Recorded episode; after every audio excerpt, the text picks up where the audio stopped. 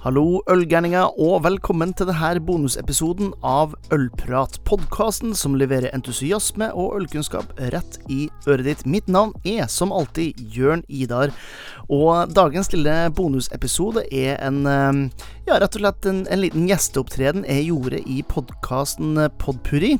En eh, podkast om podkast, altså en sånn deilig liten inception i podkastverden der med Elise Woland som eh, vert for den podkasten.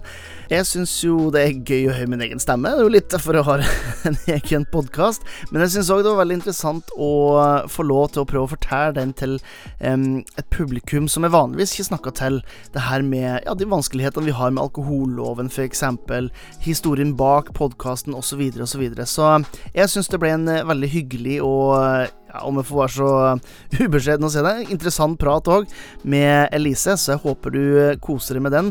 Men akkurat før du setter den på, så må jeg jo bare si en tusen, tusen takk til alle de som støtter podkasten på patreon.com slash ollprat med et par kroner hver måned. De får jo en egen bonusepisode hver måned. De får tilgang til episoder tidlig, litt eksklusive nyheter osv. Så, videre, så, så hvis du er interessert i det, så kan du sjekke ut patrion.com slash ollprat. Nå er det klart for en bonusepisode her på Ølprat. Det er bare å sjekke ut Podpuri. Legge link i shownotesen. Du får fylle kaffekoppen, eventuelt glasset med noe høyt skummende, og lene deg tilbake for denne bonusepisoden av Ølprat.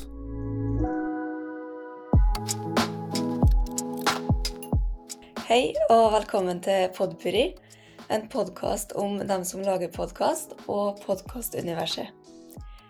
I dag så har jeg Jørn Idar Almås Kvig på besøk. Han er en entusiastisk mann med mange jern i ilden. Han har fagbrev som kokk og er utdanna servitør. Han har jobba i restaurant- og matbransjen siden han var 14 år. Han er utdanna innen både øl og vin, og har jobba på Vinmonopolet og er øldommer. Han har vært med og starta opp Beer Enthusiast og ølportalen.no, der han nylig ble offisielt Der han nylig ble redaktør for sistnevnte. Han har skrevet hele seks bøker om øl, og elsker å dele av sin mildt sagt gode kunnskap. Hjertelig velkommen til Podpuri, Jørn Idar Almås Kvig. Tusen takk for det, Lise. Aller først så er jeg litt eh, Vil jeg bare høre sånn Når du skulle lage podkast, eh, hvorfor ble det øl? Jeg tror um, Det er vel det eneste jeg kan ordentlig. det er vel kanskje det Nei, altså, det eh, Sånn som det er per i dag, da, så har jeg jo Jeg har faktisk to podkaster, men jeg som person er litt sånn eh, Når jeg først blir interessert i noe, så blir jeg, jeg sånn sånn helt sinnssykt interessert i det. Um, og sånn var det og med øl, så øl var på en måte altoppslukende. Og da var det når jeg først skulle gjøre noe um, ja, som podkast, da, så, så, var det så naturlig, for det var, det var det jeg ordentlig. Så um, sånn som det er per i dag, da, så har jeg jo den her, og så har jeg uh, en podkast Ølprat, og så jeg har en om frisbeegolf som heter The Perfect Flight, som jo henvender seg til to veldig forskjellige eh, publikum. Eh, ja, det var veldig sånn eh, Ja, veldig fra den ene enden til den andre. Mm. Men det, på en måte, det, det var litt fint å få den der eh, frisbeegolfinteressen, for da hadde jeg noe annet enn øl å, å tenke på. Ja. så um, Nei, så det var egentlig bare rett og slett det at jeg, jeg har jobba jobba kun så mye om øl at det, det fant det veldig sånn naturlig at det var det som skulle snakkes om, da. Ja. Husker du på hvor liksom interessen for mat og, og øl og, og sånn starta? Ikke, ikke sånn 100 Altså, eh, den første matoppskrifta jeg lærte meg utenat, da var jeg seks år. Eh, men det var ganske enkelt. Det var rabarbrasuppe. Eh, men da husker jeg da kunne lage det sjøl, og det, det ga en, sånn her, en veldig stor uh, tilfredsstillelse. Og så ble jeg veldig interessert i, i, vin, egentlig. Så jeg fikk mine foreldre til å kjøpe mine to første flasker med vin når jeg var 16, men jeg drakk dem ikke før jeg var 18. Så jeg, Oi, jeg, jeg, jeg, jeg lagra de. Oi! Det, da er du, du tålmodig. ja, ja, det kan du si, men jeg synes interesse Altså, jeg ble interessert i, i vin, da, og den verden som var rundt vin, mye gjennom um, uh, Vine Library TV, heter det. Den kom vel i 2016, om jeg ikke husker gærent.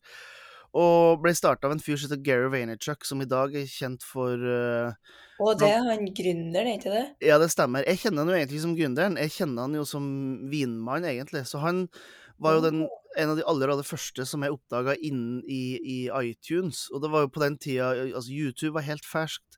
iTunes var, var ferskt, og han la opp uh, da uh, det her fantastisk interessante daglige podkaster, da. Um, eller vlogger, eller hva man skal kalle det. Um, så, så, jeg oppdager vel The Thunder Show, som man kalte det, da, i kanskje sånn i episode 30-40, og så bare hang med da i de neste 950 episodene som han, som han, hadde. Men det var på en måte første gang at jeg, jeg fikk interesse for, for vin, da.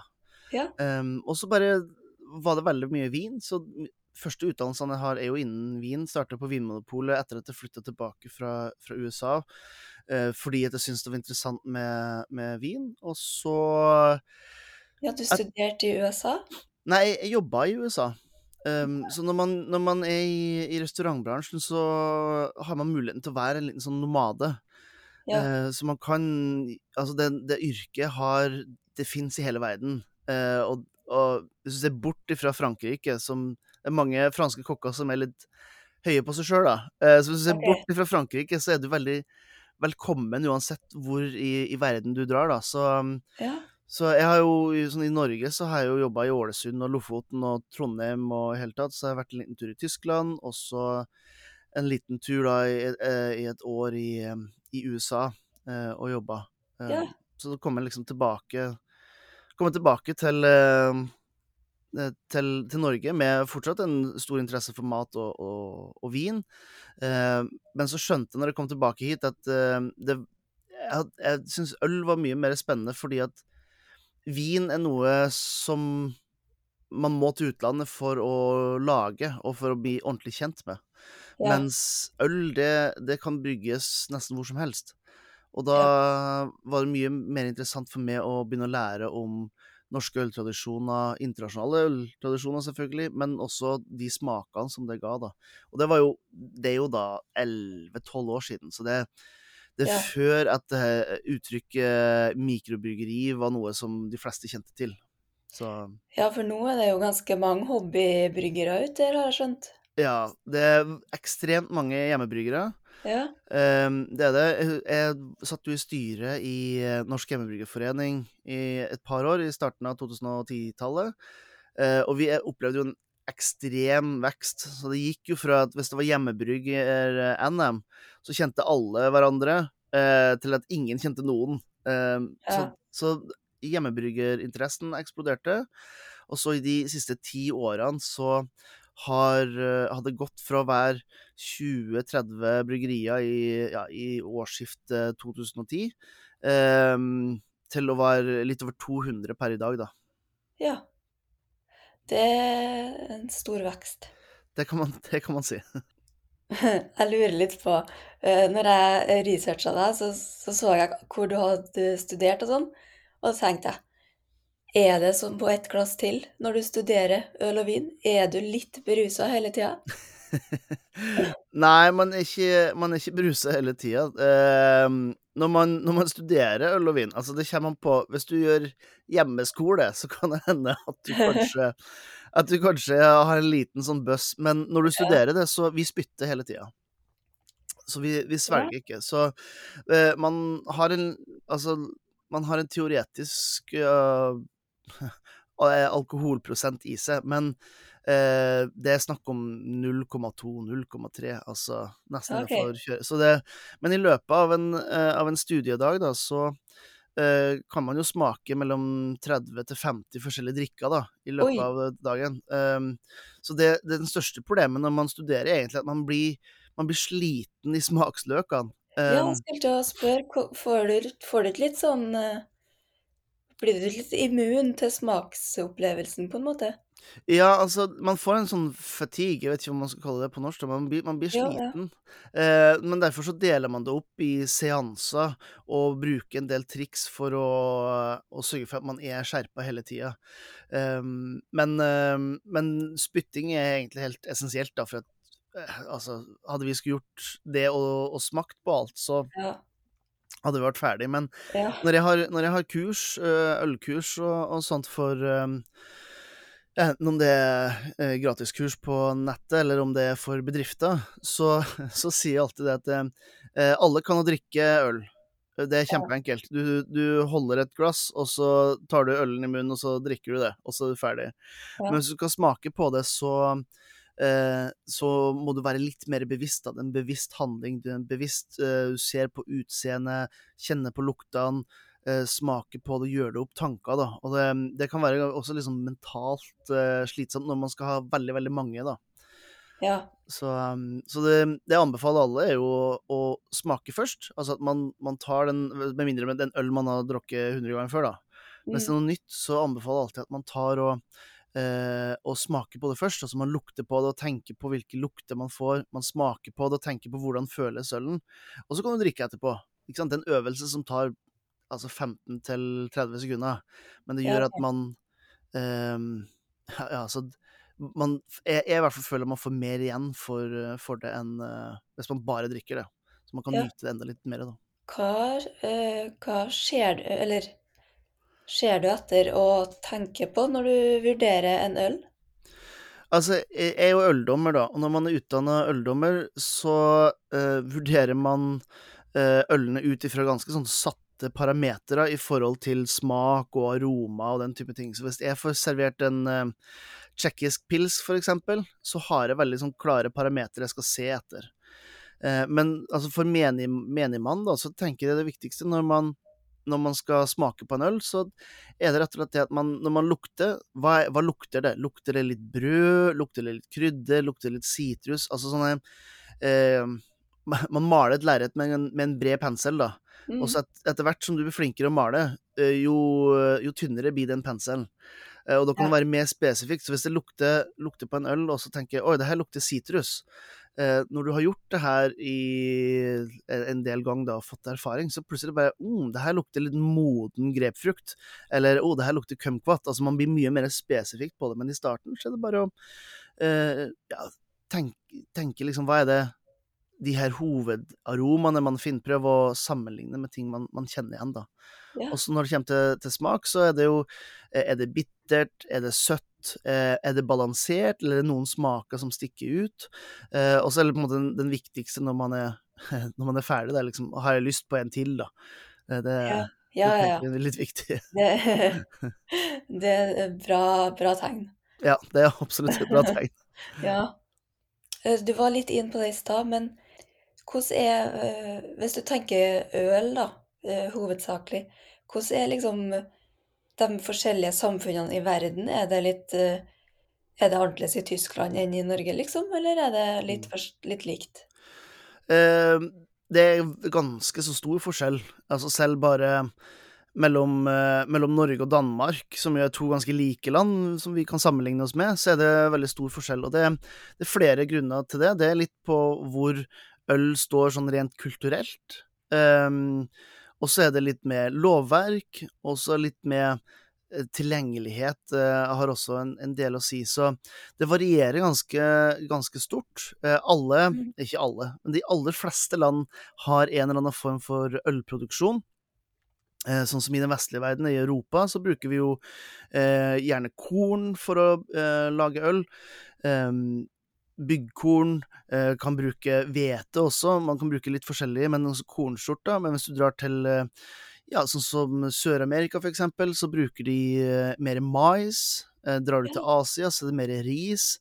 Så det er litt sånn Det er andre det er, det er andre råvarer i, som går i det, da. Men prosessene er litt forholdsvis like. Men sånn Nå snakker vi om moderne brygging, da, altså de siste Ja, eh, 150-200 årene, da. Um, ok. Men før den tid så, så ville det ha variert mye, mye mer enn det gjør per i dag. Altså, vi har moderne teknologi nå, man forstår ting lettere. Eh, vi har rustfritt stål, vi vet hva mikrobiologi er. Mhm. Mens for 200 år siden så hadde vi ikke peiling. Altså, da, da, ting skjedde jo bare av magi, ikke sant. Så det Ja, jo det er jo mange, mange religioner som er, som er oppstått av at man uh, ikke helt eh, visste hva som skjedde. Og det, altså det her i Norge, da, så drev vi jo og altså fram til slutten av 1800-tallet, og fortsatt en dag i dag, da, mer som en kuriositet, så driver man og, og roper i ølet. Altså når man har eh, tradisjonsbrygg i Norge, hvis man eh, brygger det ordentlig, eh, når man har kokt det ferdig, og man skal kjøle det ned, og man har eh, tilsatt eh, gjær, da, som man for øvrig ikke visste hva var før eh, på midten av 1800-tallet, eh, så ropte man ned i eh, ned i kokekaret for å skremme bort de onde åndene. Eh, på, på gårder rundt forbi i Norge så gikk de og, og kasta øl på en stein midt på gårdsplassen for å hindre at de onde åndene skulle komme til, eh, eh, til, til gården og, og surne ølet. Så hvis du hadde surt øl, da hadde du gjort noe gærent, altså. Og du kan, og du kan tenke deg bare sånn, Det er sånn som det er i Norge, og så vil dette variere fra plass til plass til plass til plass. Og det er klart at da vil det være enormt forskjell på den kulturelle og tradisjonsbiten som er rundt forbi i, i verden òg. Men sånn som, det, sånn som det er, så Altså, det er, det er stor forskjell i forhold til konsum, for at eh, det er jo Sånn som jeg vet, så er det bare fire steder i verden at det er monopol, for eksempel. Det er en, det er en del av Canada, og så er det Norge Ja, det er faktisk flere, da. Eh, Norge, Sverige, Finland, Island, Færøyene. Ok. Um, og det er der det er monopol. Og monopol setter jo sine begrensninger og sine muligheter, um, men det er veldig, veldig rart for en eh, danske å komme til Norge. Selv om han har hørt om hvordan vi har det, så er det veldig rart for han å komme hit og så ikke kan kjøpe øl, eh, altså sterkøl, da, som de, som de er veldig opptatt av, på en Ja. vanlig butikk eller på en kiosk. Eh, Ja. Og hvis det er søndag, eh, hvorfor kan man ikke kjøpe alkohol da? Det er jo liksom det som er deres de skjønner, det, det skjønner ikke de. Det er veldig rart for dem. De har Um, mye mer friere eh, Ja. tilgang. Mm. Og de har også da høyere konsum som en del, som en del av en måte, eh, byrden, kan man si, da, eh, rundt det. Ja. Så, så det, det med monopol og, og den alkoholpolitikken vi kjører i Norge, som er ganske så streng, så mm. begrenser man eh, både tilgang, men også konsumet av alkohol, som er på en måte som alle er enige om, hvis du ser bort fra et par eh, eh, ungdomspartier i, i Norge, så er alle enige om at det er en god ting, sånn som det er nå. Ja. Um, men så er det jo selvfølgelig um, eh, friere i andre land, og dermed også har man en annen måte å konsumere på som kan være litt mer skadelig enn det som vi holder på med. Sjøl om vi Jeg må innrømme at det vi gjør feil i forhold til veldig mange andre land, er at vi statistisk sett konsumere all alkoholen vår på fredag og lørdag. Mens ja. Vi sånn som- skal liksom eh, kjøre på, vi. Vi skal alt på en gang. Ja, ja det er helga, helgafyll, da. Det er Ja. liksom Det er vår greie. Ja. Eh, mens hvis du drar til eh, ja, Frankrike eller Italia eller Spania eller måtte være, hvis du skal holde oss i Europa, da, så de kan ta seg eh, to glass på en tirsdag og ett glass på en torsdag, og så et ett glass på en lørdag, men ingenting på en fredag, for eksempel. Ja. Eh, fordi at det er sånn de er vant til å konsumere alkohol. Altså, Så, sånn sett så tror jeg kons altså, eh, forbrukermønsteret på alkohol i, i land som er litt mer liberale enn eh, enn i Norge, er nok litt sunnere. Men Ja. mengden de konsumerer, er ganske mye mer. da. Ja, det, det er sant. Det, men det høres jo fint ut å drikke øl i lunsjen på en tirsdag, liksom. Ja, ja. Jeg, jeg skjønner ikke hvorfor Norge har den fyllakulturen. Hvordan har den oppstått? Men eh, Nei, det, der må du, det må få en, eh, en professor i sosiologi eller noe sånt med på, på podkasten, tror jeg. Men eh, Ja. det, det, er en, det er jo en greie. Jeg jobber jo som sagt i, i Vinmonopolet i, i, i en stund, og eh, det, da ser du sikkert noe mønster. det, det ser man mønster. Altså hvis sånn, i, i, I hermetegn ideelt sett så eh, ville jo alle vært ansatt eh, og bare jobba fredag og lørdag, for det er da man har eh, omsetninga. Det går jo selvfølgelig ikke, det er ikke praktisk mulig eller fornuftig i det hele tatt, men eh, hvis man skal begynne å jobbe i Vinmonopolet, med mindre du skal begynne å jobbe på hovedkontoret, eller du får eh, mot formodning en butikksjefstilling, hvis du Mm. begynner som vanlig butikkansatt, så vil du nesten garantert begynne som ekstravakt på lørdager og eller fredager. Eh, Ok. Og så får du liksom Ja, du får en sekstimersstilling, og det er egentlig Det betyr at du får lov til å jobbe hver lørdag. Ja. Eh, fordi det er da det er mest omsetning. Så, okay. så jeg vet ikke hvor det kommer fra, det her med fredag og lørdager, men det, det er ikke helt, ikke helt sunt. Nei, Nei det, det er rart. Jeg tenkte å spørre deg litt om eh, Du har jo skrevet bøker. Eh, De siste med Staysman. mhm. Hvordan syns du det har vært å skrive bok, og hvordan kom samarbeidet i stand? Ja, jeg, jeg tror det har blitt uh, sju bøker til slutt nå. Eh, men jeg, jeg faller litt av, for vi, vi har jo eh, skrevet om bøker og oppdatert dem etter hvert som, uh, som tida har gått. Men den første boka var jo ølboka, og den er jo solgt snart 30 000 eh, eksemplarer. også. den har solgt helt sinnssykt mye. Gratulerer. Eh, Jo, jo takk. Eh, og det har jo gått over mange år, selvfølgelig, og, og mange utgaver. Men um, da var det eh, Da het de Front Forlag, eh, nå heter de Goliat. Eller strengt tatt heter de vel Strawberry Publishing, som igjen har blitt Bonnier Media. Ja, Altså, hvis du det er dem, ja. Ja, Hvis du snakker om en, en bransje som har utvikla seg, så, så er bokbransjen er, er absolutt en av de. Men ja. Mark Jørgensen eh, heter han som, som eh, jeg begynte å jobbe med da for en eh, Det må vel være en sju-åtte års tid siden. Ehm, som kom med, med, til meg med en, med en idé at vi ville skrive en bok i en serie som de hadde, og så har på en måte samarbeidet bare fortsatt. da. Så du ble headhunta? Uh, ja, uh, det kan man si. Uh, og det, her, det er jo i en litt annen tid enn det, det er i dag, selv, selvfølgelig, med, med øl. Men Mm. jeg har jo skrevet om øl i de siste elleve årene i, på en blogg som heter Høyt skum, Ja. og, og senere Ølportalen, som du, som du nevnte. Så, Mm. så det var sånn de, de fant meg. Og så har vi samarbeidet med, med flere bøker opp igjennom, og så kom han med Vi, vi har snakka litt om det for en sånn fire års tid siden, at uh, det hadde jo Hvis du skulle skrevet en ny bok nå, for da hadde vi på en måte Vi har dekka eh, norsk øl og skandinavisk øl og øl og mat og sommerøl, og vi hadde liksom flere ting som vi hadde skrevet om. Og så kom han og så sier han ja, vi burde jo ha skrevet med noen som er litt kjent, da, for å på en måte kanskje nå ut til noen nye, eh, Mm. og ikke bare i hermetegn samme menighet, da. Mm. Um, og så ja, det var en god idé, men så snakker vi egentlig ikke noe mer i løpet av et, et års tid, egentlig. Uh, så det var litt sånn stille, og så uh, Og så spør han bare Ja, du uh, sendte han en melding. Du, jeg må prate. Og så ringte vi, og så sa han Du, jeg tror kanskje Hva om liksom du og Stian uh, Staysman hadde skrevet en bok sammen? Og da husker jeg første tanke var bare Det kommer ikke til å gå. Altså, han skriver uh, Han skriver jo en helt annen type musikk enn enn det jeg hører på. Um, men så begynte jeg å tenke litt mer på det. Så han er jo glad i øl, det er ikke noen tvil om. Han har jo flere ølsanger. Ja. Uh, og så er han jo fra bygda, og det er jeg òg, og virker jo som en ålreit fyr, hvis du ser bort fra på en måte eh, det her overfladiske som man ser på reality-TV. Mm. Eh, av de som var med på sånn som Paradise Hotel der han var med, så var vel han en av de som var mest ekte, ja. føltes ut som. Nå er ikke akkurat Mhm. Paradise Hotel noe jeg ser som, så ofte på. Um, Nei, det er vi to. Men, Ja. eh, Men eh, du får jo med deg litt læl, da. ja, det er umulig å ikke bli eksponert for det på et eller annet nivå, og det er jo sjelden den eksponeringa er positiv, for å si det Ja. sånn. Så, men eh, så hadde vi første møte med Stian, og eh, da var jeg veldig glad for at alle fordommene jeg hadde, var helt feil. Eh, og så Mm. beklager jeg det, selv om jeg ikke har delt de fordommene med han, så, så var det bare å legge seg flat. Og så begynte vi samarbeidet. Den første boka vi lagde, 'Øl hele året', den eh, eh, det, handler, det er jo rett og slett handler om å få han til å forstå øl, da. Så jeg Øl for dummies-bok, der jeg tar han fra å han, han dissa jo alt av IPA og stout og alt det her, eh, det her jåleølen. Ja. Jeg skal prøve å få han til å like den typen øl bedre, da. ja. Og det, det Når han fikk en forståelse for det, så fikk han en helt ny respekt både for den typen øl som han drikker, men òg bryggeribransjen sjøl. Så vi hadde den, den mest sånn polariserende opplevelsen. På samme dagen så dro vi oppover på Gjelleråsen, der Ringnes har sine produksjonslokaler.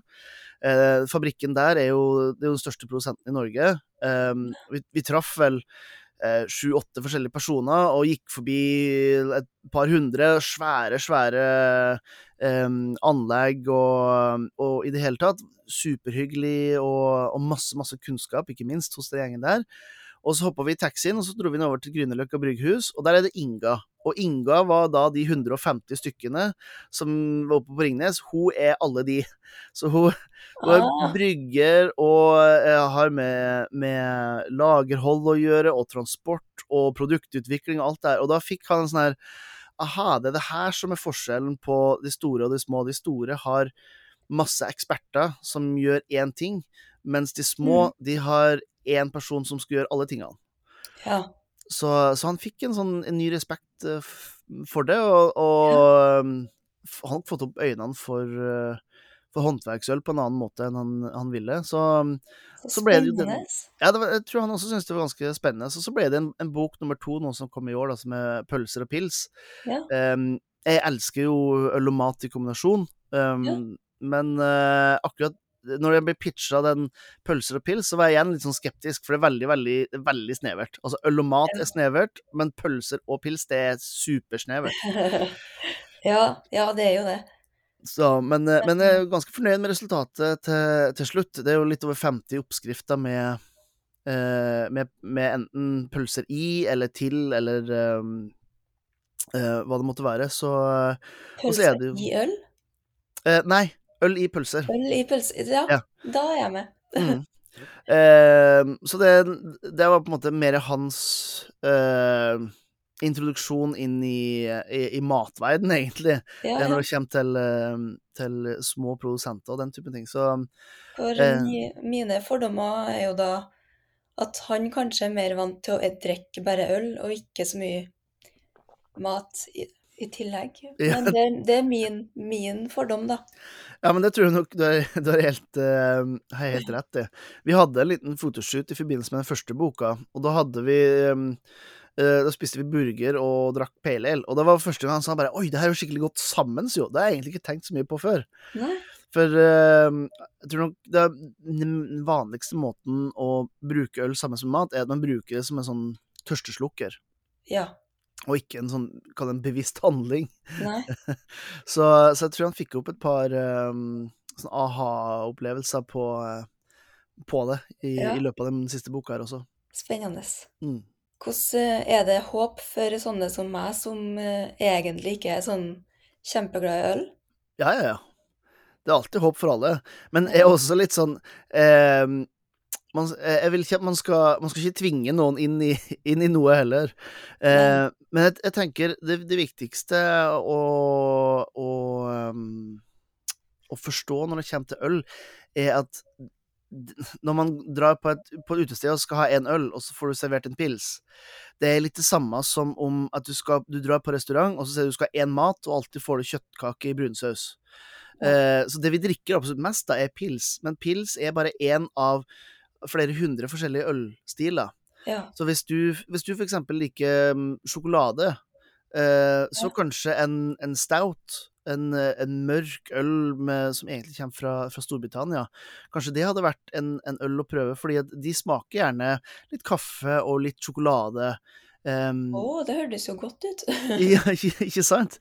Um, eller hvis man uh, Altså hvis man uh, liker strawberry daiquiri, eller man liker den type fruktige drinker, så kan man kanskje prøve eh, Krik, som er en, en syrlig øl tilsatt kirsebær, så du får en sånn deilig, frisk, eh, fruktig smaksopplevelse. Så kanskje det er noe. Eller hvis man liker at det er eh, veldig sånn blomstrete eller mye sitrus eller noe sånt, så kanskje en IPA kan være. Så det finnes liksom Det finnes så mange forskjellige typer eh, øl, så at hvis man bare drar på Rema 1000, så da, da, da får du ikke Du får ikke veldig stort smaksspekter eh, der, fordi at Nei. i dagligvare så handler det om eh, hovedsakelig penger. Eh, Og så mye penger som mulig, og det får du ved å selge så mye som mulig av så få varer som mulig til en best mulig pris. Ja. Eh, og dermed så får du et ganske begrensa utvalg, mens sånn som Vinmonopolet, for eksempel, Mhm. eh, enn så begrensende det, så gir det også fantastisk mye muligheter. Det er over 20 000 produkter de fører, som du kan få i hele landet. Eh, og det er litt over 2000 av de produktene er jo øl. Så det betyr at hvis, hvis man hører den, den podkasten her, og man bor i Alta, eller i, eh, på Nesna, eller eh, i Oslo, så har du muligheten til å få tak i de her eh, produktene uansett hvor du er hen, uten at det koster noe ekstra. Ja. Eh, og da kan du jo få det òg med kunnskapen som Vinmonopolet eh, leverer, da, enten om det er gjennom vinmonopolet.no, deres egen podkast, eh, eller de som er i butikken også, selvfølgelig. Så, Mm. Så jeg tenker det eh, Hvis man skal utforske litt og har lyst til å, å, prøve litt, så er det på en måte Vinmonopolet Ja. eh, stedet å, å spørre og grave litt og, og prøve å finne ut litt, da. Ja. Uh, ja. Heller det enn å gå på Rema og spørre folk uh, Ja. Ja. De som jobber der, sånn, de er ikke ansatt for at de skal ha kunnskap på, på det de skal selge. De, de skal uh, fylle varer og hjelpe til med primærbehov for kundene sine. Ja. Så, men det er jo en av de tingene som eh, var årsaken til at vi starta Ølprat også. Uh, Ja. Denne podkasten som jeg driver, var jo fordi at i Norge så du kan ikke reklamere for, for eh, alkohol. eh, og det syns jeg helt Jeg synes det er fantastisk. Jeg vil ikke ta bort det i det hele tatt. Du har ikke lyst til å kunne reklamere for det? Nei, nei, nei. Eh, og grunnen til det Altså, jeg har lyst til det. Jeg personlig har jo veldig lyst til det. Men jeg skjønner jo det at jeg, som en eh, eh, del av et bitte lite firma, har ingen sjanse til å konkurrere med store internasjonale merkevarer, som da kommer til å pøse på med reklame i alle kanaler og i det hele tatt. Så, Ja. så det, det fine med alkoholloven i Norge er at alle er like. Det er i hvert fall teoretisk sett så alle like. Ja. Ehm, så når, vi starta, når jeg starta Ølprat i 2019, så var det for Det var, en, det var markedsføring. Men Ja, ja. målet var egentlig å, å fortelle historier og få folk til å forstå øl mere, da. Forstå det de skulle nyte. Og det er det eh, Jeg har faktisk hatt flere Jeg har hatt flere podkaster som aldri er publisert. Eh, eh, fordi at jeg har hatt samtaler med, med bryggerier og folk som Spesielt fra utlandet, som absolutt vil snakke om sitt eget produkt. Altså, de kan Ja. snakke om sitt eget bryggeri da, og sin egen historie og mentalitet, det er ikke noe problem. Men med en gang de snakker om produktet de produserer, så blir det ulovlig. Så det har vært et par eh, Så det er et par jeg har snakka med som har Ja, også den ølen her, sånn som vi brygga, som er brygga med den og den ingrediensen, Ja. den er veldig bra og vant masse medaljer i eh, Brussels Bear Challenge. Og det er bare sånn Det her podkasten her, den kan ikke jeg bruke til noen ting som helst. Så jeg har tre-fire sånne så jeg har tre-fire sånne som, eh, som ligger på en harddisk her, sånn, og så har jeg eh, en tre-fire av de her eh, noen og 60 som jeg har publisert til nå, som eh, eh, har en sånn quack-lyd i seg. Eh, Og det er rett og slett sensurering på, på spesifikke øl som de har nevnt da, eh, underveis i, i samtalen. Åh, det er kjipt da når du har en times intervju, og så er det to setninger som bare Men hvorfor Er det fordi at det er markedsføring, det, da? Ja, Det er det. Ja. Så eh, det eneste markedsføringen man, man Altså, man har ikke lov til å snakke om produkt. Det eneste stedet man har lov til å snakke om produkt, det er på egne hjemmesider, og da må, man, da må det være nøktern produktinformasjon. Ja. Eh, Så det betyr at hvis jeg som norsk produsent eh, og skal selge til Norge, har vunnet masse medaljer i utlandet, f.eks. I, i diverse konkurranser, så kan ikke jeg skrive det på nettsidene. Eh, Men så blir det annerledes hvis eksport er en stor del ut av omsetninga mi. Da har jeg lov til det, for da henvender man seg i teorien til utlandet. Eh, ja, så, men så er jo denne loven er jo skrevet sånn at du kan gjøre det på hjemmesidene. Der kan du ha nøktern produktinformasjon, men ikke på sosiale medier. Å nei. Eh, og på sosiale medier kan man heller f.eks. ikke linke til nevnt hjemmeside. Og man kan heller ikke, heller ikke uh, uh, linke til redaksjonær omtale. Så hvis Dagens Næringsliv f.eks. har en øltest der jeg havner som nummer én, så har ikke lov til å linke til den. Å, seriøst, så kjipt. Ja, det, altså, det, er en del, det er en del sånne nyanser med alkoholloven og forbud mot reklame som nok burde ha vært utreda en gang til, som det sikkert kommer til å, å bli også. Men sånn alt i alt så er, så er det bedre at det er sånn enn uh, alternativ at det er helt uh, uh, frislipp. Ja. Så um, Men bli, Jeg tenker Jeg vet jo at, eh, at alkohol er, det er et eh, eh, spesielt eh, produkt, men blir ikke litt irritert når du ser forskjellige influensere eh, som markedsfører alskens mulig rart? Og så får ikke du lov til å markedsføre hobbyen din, liksom? jo, altså det eh, Der er det jo litt sånn For min del så er det litt vanskelig, for jeg, jeg jobber jo både i bransjen og er en bearfluencer, om du vil kalle det det, da. Ja. Så, men eh, jeg har jobba med det her så lenge. altså Jeg har holdt på med det her i, i over ti år. Så eh, jeg på en måte Det er det det er, og så får man bare jobbe med det.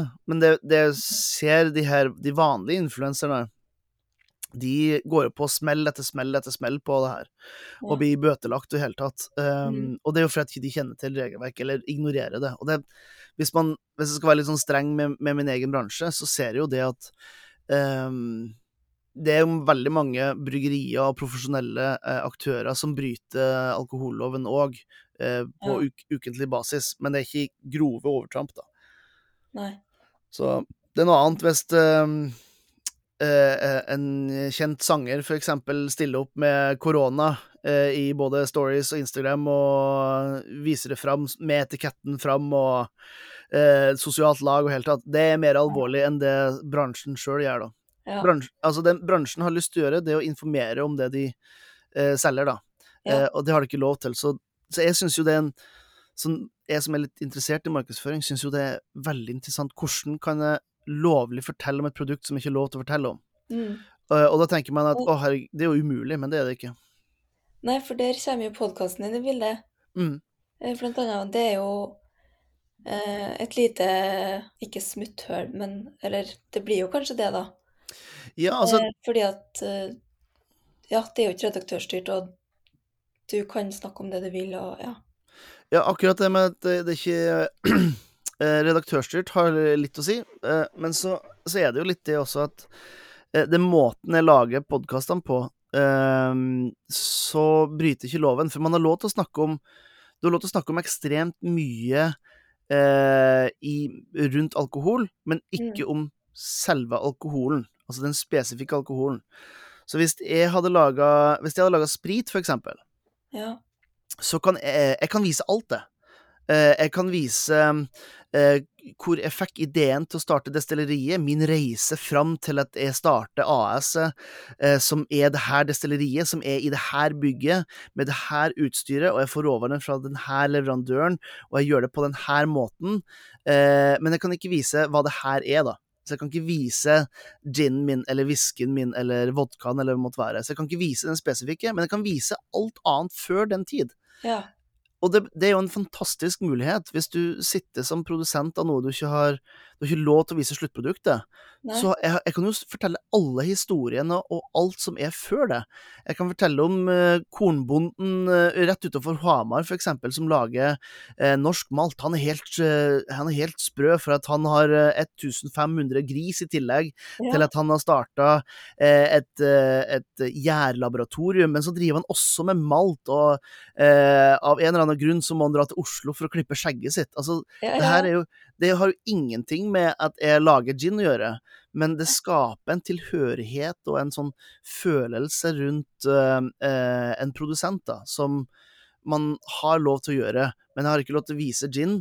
Men hvis det greier å skape en følelse hos noen at de ja, er en del av noe, noe mer, ja. jeg kjenner noe da til Arne oppe på Norsk Malt, f.eks. oppe på Hamar. Ja, fordi at det var det her eh, Norsk Gin AS som eh, fortalte historien her sånn. Så, um, så, er det en måte å jobbe rundt regelverket på, da. da du må være veldig kreativ, da. Du, må, du finner veldig fine historier, i stedet mm. for å liksom bare tenke på det som er til slutt. Du finner ja. historiene. Og det er jo, la oss være helt ærlige, det er jo mye mer interessant ja. enn å bare få trykt en uh, Sånn som nå når vi, når vi, tar opp det her, og det er jul, og man får det, man, altså det eneste måten dagligvare selger noe særlig på, det er ved tilbud. Ja. Uh, og derfor så er liksom grisen koster 39,90 per kilo, som gjør at bonden taper penger, ikke sant.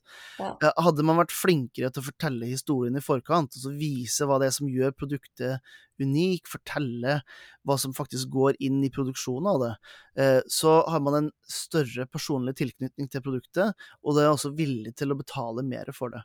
Mm. Um, og så får man som sagt en knytning som man forhåpentligvis kan bruke senere. Det er jo det er akkurat det her influensere gjør. Eh, Ja. De, eh, de forteller sin historie, da, som oftest. Eh, Og når merkevarer jobber med influensere, så jobber de med dem ikke av eh, kvalifikasjonene deres. Altså ikke, ikke på grunn av at eh, man har vært en sanger, for eksempel, eh, og så skal du promotere øl. Eh, det har jo ingenting med hverandre å gjøre direkte. Hvis du ser bort fra Staysman, da. Eh, men men man, man, eh, man samarbeider med sånne fordi at de har Ja, de har rett og slett en, en følgerskare som bryr seg om vedkommende. Og det er jo det merkevarer også burde være mye flinkere til å, å bli sin egen influenser og fortelle de historiene. Mm, veldig enig.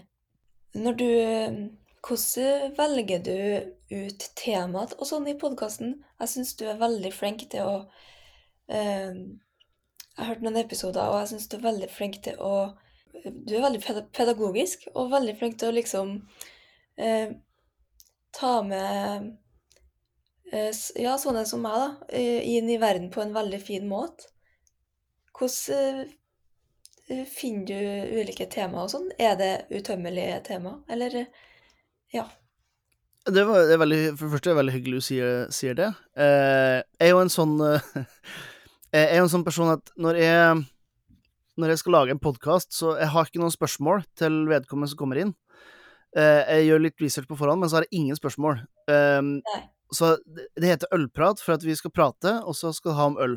Og det at det er bare en prat, og så forteller det på den måten, gjør at folk senker garden sin, og da blir det lettere å ha en samtale, føler jeg i hvert fall. Mm. Eh, og når det kommer til, til å velge ut uh, temaer, så er det, det Jeg må innrømme det, det er ganske sånn eh, eh, egosentrisk, fordi at jeg finner folk og temaer som, som jeg tenker at jeg kunne tenkt meg til å høre om, eh, eller lære mer om.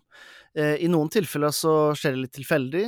Eh, sånn som ja, eh, på nyåret nå så kommer det en eh, eh, en, en podkast som jeg tok opp rett før et event jeg skulle ha. Rett og slett fordi at det var en person der som jeg syns hadde en fantastisk bra historie. Og da bare måtte få det med. Lyder er masse bakgrunnsstøy og tjo og hei, men det er sånn Det driter jeg i. Jeg hadde med opptaksutstyret, og den historien skal jeg bare få lov til å, å dele. Eh, og så prøve å være flinke til å, å, til å, å ja, rett og slett se hva er, det, hva er det som ikke er dekt før? Nå er det ganske enkelt i min bransje, da, for at det er bare tre-fire podkaster om øl, da, hvis det er sjenerøs, i Norge. Ja. Uh, og, og ingen er så, så aktiv som, som det er. Så det, da er det veldig mye å kunne ta av. Ja. Uh, men så prøve å aktivisere lytterne, da. Uh, jeg må innrømme jeg har ganske liten respons fra lytterne direkte på podkasten, men jeg har jo Patrions som kommer med forslag til, til uh, tema som de har lyst til å høre om.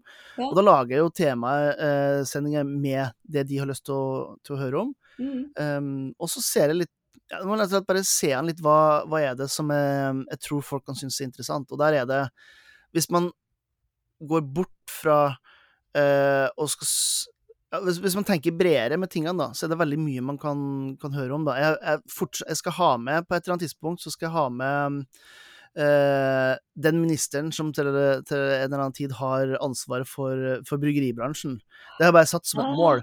Men den personen trenger ikke ha noe ølinteresse. Nei, nei, nei, men Eh, det er jo kjempeinteressant. Det er akkurat det jeg tenker, for det har, det har med øl å gjøre, selv om ikke det er direkte Nå må jeg innrømme, jeg er ikke så veldig inne i, inn i politikk, eh, men eh, eh, men siste ministeren det var aktuelt med, var jo Bollestad, og hun er jo KrF, og KrF er ikke sånn der superglad i alkohol, har jeg skjønt. Eh, så det er kanskje litt er annerledes nå. interessant eh, prat.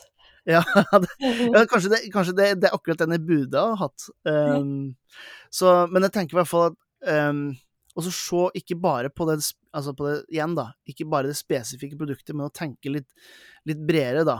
Um, Det er noe som jeg tror uh, kan fange litt flere, men også gjør at man, man kan krydre med nye tanker og ideer fra den vanlige lille sfæren som man vanligvis er i, da. Uh, har du hjemmestudio? Eh, ja, eh, både òg. Altså, eh, nå, akkurat nå sitter jeg jo i et slags hjemme, hjemmestudio. Ja. Ehm, og så var jeg ganske tidlig ute med å kjøpe med litt eh, enkelt utstyr for å um, kunne være ute. Um, Mm. Men det er ikke noe store greier. Uh, selvfølgelig, fra mars i fjor så har jo nesten alle podkastene vært spilt inn digitalt uansett. Ja. Um, men uh, altså det, det aller beste er når dere kan være i rommet sammen med noen, og er litt sånn uh, Er ikke det er ikke en, Ølprat er ikke en svær podkast. Det, det er en del som lytter på det, det er det, men det er ikke så mye at jeg kan forlange at folk begynner å komme til meg for å, å ta opp noe. Og jeg tjener ikke noe penger på det, så derfor så kan jeg ikke leie meg inn på et studio heller. Og da er det OK, da må jeg dra ut til folk, så jeg har forholdsvis enkelt, men effektivt eh, utstyr for å kunne dra ut, da. Gode, Mm. gode mikrofoner eh, er essensielt sånn sett. Um, og så bruke noe som heter Det er vel uh, Zoom P8, er det vel den heter? Eller Ja. P4. Er en sånn her egen podkastopptak eller noe. Ja. Så en liten oppgradering fra min Zoom H4 som jeg har brukt tidligere. Ja. ja, jeg har vært borti dem, jeg òg. Ja, er veldig, de er veldig praktiske. Mm. Men jeg er litt sånn Jeg, jeg liker Jeg har jo holdt på med Jeg har jo laga øh, første man kan kalle det podkast, vet jeg ikke, men den første serien med da podkast, da, den startet jo med i 2009. Eh, Oi, ins inspirert, Da var det tidlig ut. ja, den var inspirert av Wine Library TV, eh, og det var jo TV, om du kan kalle det det. da. Så Ja. det var jo, eh, det var jo videoer eh, som man lastet opp på iTunes, som man kunne se direkte i iTunes. Det var før YouTube fikk sånn ordentlig traction som det har nå, da. Ja. Eh, så det begynte, jo, det begynte jo der. Og jeg har aldri likt å redigere. Altså, redigering er det, det kjipeste med hele det her greiene. Og, og, ja. og det, det sier jo litt, da. I år så har jeg vel sluppet 20 podkaster. Alle er litt redigert. Jeg har eh, publisert eh, snart 60 videoer på YouTube. Eh, som alle er redigert. Eh, så det er en sånn nødvendig onde. Så jeg tenker alltid, når jeg skal lage podkast eller videoer, så skal jeg gjøre det så enkelt som mulig. ja. Eh, jo mer greier, jo bedre kvalitet kan det jo potensielt bli, men jeg, jeg, jeg orka ikke. Jeg har ikke. jeg har ikke lysten til det. Du fokuserer på innhold og Ja. ja. Så, og det gjør av og til dessverre at eh, jeg glemmer av eh, litt på lydkvalitet, for eksempel. Eh, det kan være litt eh, Ja, ja. Da slår jeg meg sjøl i ettertid bare åh, hvordan kunne jeg ha Men det tror jeg Jeg tror ikke det har noe å si. Fordi Nei, at innholdet er bra. Ja, det har nok litt å si. Jeg vet i hvert fall jeg er veldig lite tålmodig når jeg hører på andre podkaster med dårlig lyd. Um, så jeg, jeg prøver å advare I podkastene mine så har jeg en, en introduksjon av meg som eh, jeg tar opp lokalt, eh, med liksom 'velkommen' og hva er det vi har i vente. Og så advarer alltid hvis det er dårlig lyd. Ja. Eh, så da tenker jeg, da vet de det i hvert fall, så får vi se om de holder ut i eh, 35 minutter med, eh, ja. med dårlig lyd, eventuelt. da. Jeg er litt sånn eh, Det spørs litt om jeg Jeg kan være veldig var på det eh, noen gang, og noen, noen gang hvis jeg er veldig interessert i temaet, så er det sånn Det får være så dårlig lyd som bare det. Litt sånn humørstyrt, nesten. Ja. Men uh, vi blir jo Det er jo kjempebra produksjoner ute, ute i verden nå, så vi Mm. blir jo vant til tipp topp uh, kvalitet. Det har skjedd ekstremt mye på podkastfronten, spesielt de siste tre årene, føler jeg. Mm. Um, det er nok mye på grunn av at kall det mer mainstream produsenter har levert utstyr av Mm. veldig høy kvalitet, som ikke koster så innmari mye som før. Sånn som når den ehm, røde sin sånn er det Procaster den heter. Ja. Når den kom, så var jo det helt revolusjonært i forhold til at du kunne ha så mange muligheter, Mm. og det kosta ikke mer enn 10 000. Nå koster en sånn en 4000-5000, og det, den, mm. hvis du kjøper en sånn, så du trenger aldri å oppgradere igjen. Nei. Det er liksom, du har alt du trenger. Ja. Så, um, så det utstyrsfronten har også levert sånn at uh, kvalitetene blir høyere. Ja. Og da blir det lettere å fortelle historier, da. Akkurat. Uh, hvordan uh, Har du noen podkaster å anbefale? Ja, jeg måtte gå gjennom uh, Når du, du sendte meg det spørsmålet, da måtte jeg gå gjennom en sånn her Jeg, jeg konsumerer veldig mye podkast. er en sånn fyr som hører på podkaster på 2,3 speed. Ja. Eh, eh, så det, det dundrer unna. Det er ikke alt som er eh, ja, noen, noen ting, spesielt sånn humorpodkast, da, da, da uh, setter jeg på vanlig speed, for da føler jeg at man, man misser en del nyanser. Men når det er historiefortelling, så så er det ikke så så nøye, føler og hører de nyansene. Så det, det var tre jeg noterte meg, og den, det ene den regner med de aller, aller fleste har i podkast-appen sin, og det er The Daily fra New York Times. Ja. Én uh, historie, en, et tema de tar opp uh, hver dag. Fantastisk høy uh, produksjonskvalitet. Og Mm. både fine, men hovedsakelig ganske sånn hjerteskjærende historier, dessverre.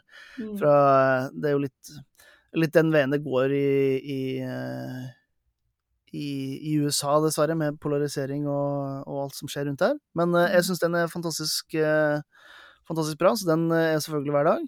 Ja. Um, jeg, kan ikke, jeg, jeg, kan ikke sitte her og være ølpodkast og ikke nevne en ølpodkast, så det, er det Belgian Smak, heter den. Det er en ire som bor i Belgia, og han forteller utelukkende historier fra Belgia, belgiske bryggerier og i hele tatt. Men uh, det er fantastisk høy produksjonskvalitet. Han er, sånn, han er en av de jeg hører på og tenker at jeg skulle ønske jeg var like flink som vedkommende. Um, Ja. han, han drar til byer og forteller historier om byene, eh, tar for seg bryggeriene, tar for seg temaet på en veldig sånn dyptgående og historiefortellende måte. Oi. Um, og det, den, er, den er veldig Hvis man er interessert i mat og drikke og kultur, eller, eller bare Belgia, så, Ja. så syns jeg den er veldig fin. Han vant, Det er et, sånn soloprosjekt, så det er bare én person. Ja. Eh, men han vant Belgian Podcast Awards nå for et par uker siden, som er på en måte den største sånn podkastutdelinga der, i kategorien kultur og musikk. Eh, og det betyr at han da, som enkeltperson, han slo alle de statlige kanalene, som jo har selvfølgelig produksjonskvalitet som er herifra til, til himmelen. Ja. Eh, alle de her store, både kommersielle og hele tatt. Han bare han slo alle, og det syns jeg er helt, helt rått. det er jo rått. Så, så Belgian Smak med to a-er, den, eh, den liker jeg. Eh, Ja. Og så er det eh, en som ikke er så lystig, men som eh, jeg syns er litt koselig å høre på allikevel. Det er Henrettelsespodden. Ja, ja, ja. Ja, har jeg sett. Ja, den er eh, koselig, er kanskje ikke rette ordet, men eh, jeg syns det er litt eh, Jeg skjønner, første hva, du, skjønner hva du mener. Ja, så det er bra kvalitet på det de produserer, og så er det interessante historier. Og så syns jeg det er litt, litt godt å bli påminnet hvor fint vi har det nå, i forhold til det, hvordan man har Ja. hatt det før. Ja. Skal ikke så så langt tilbake i tid for, eh, for det vi holder på med nå, var en eh, eufori, noe som var helt eh, fjernt for de fleste. Så, Mm. så hendelsespodden også syns jeg, synes jeg er fin å høre på. ja. Vi kan jo begynne å gå litt mot slutten. Eh, Men jeg lurer på om eh, Ja, jeg tenkte jo at vi skulle snakke litt om korona og sånn, men Mm. hvis du, at det ikke, for at det ikke skal bli sånn veldig trist, skal du si. Men Mm. hvis du vil snakke om hvordan det har vært å arbeide i bransjen, så kan vi det. Mm.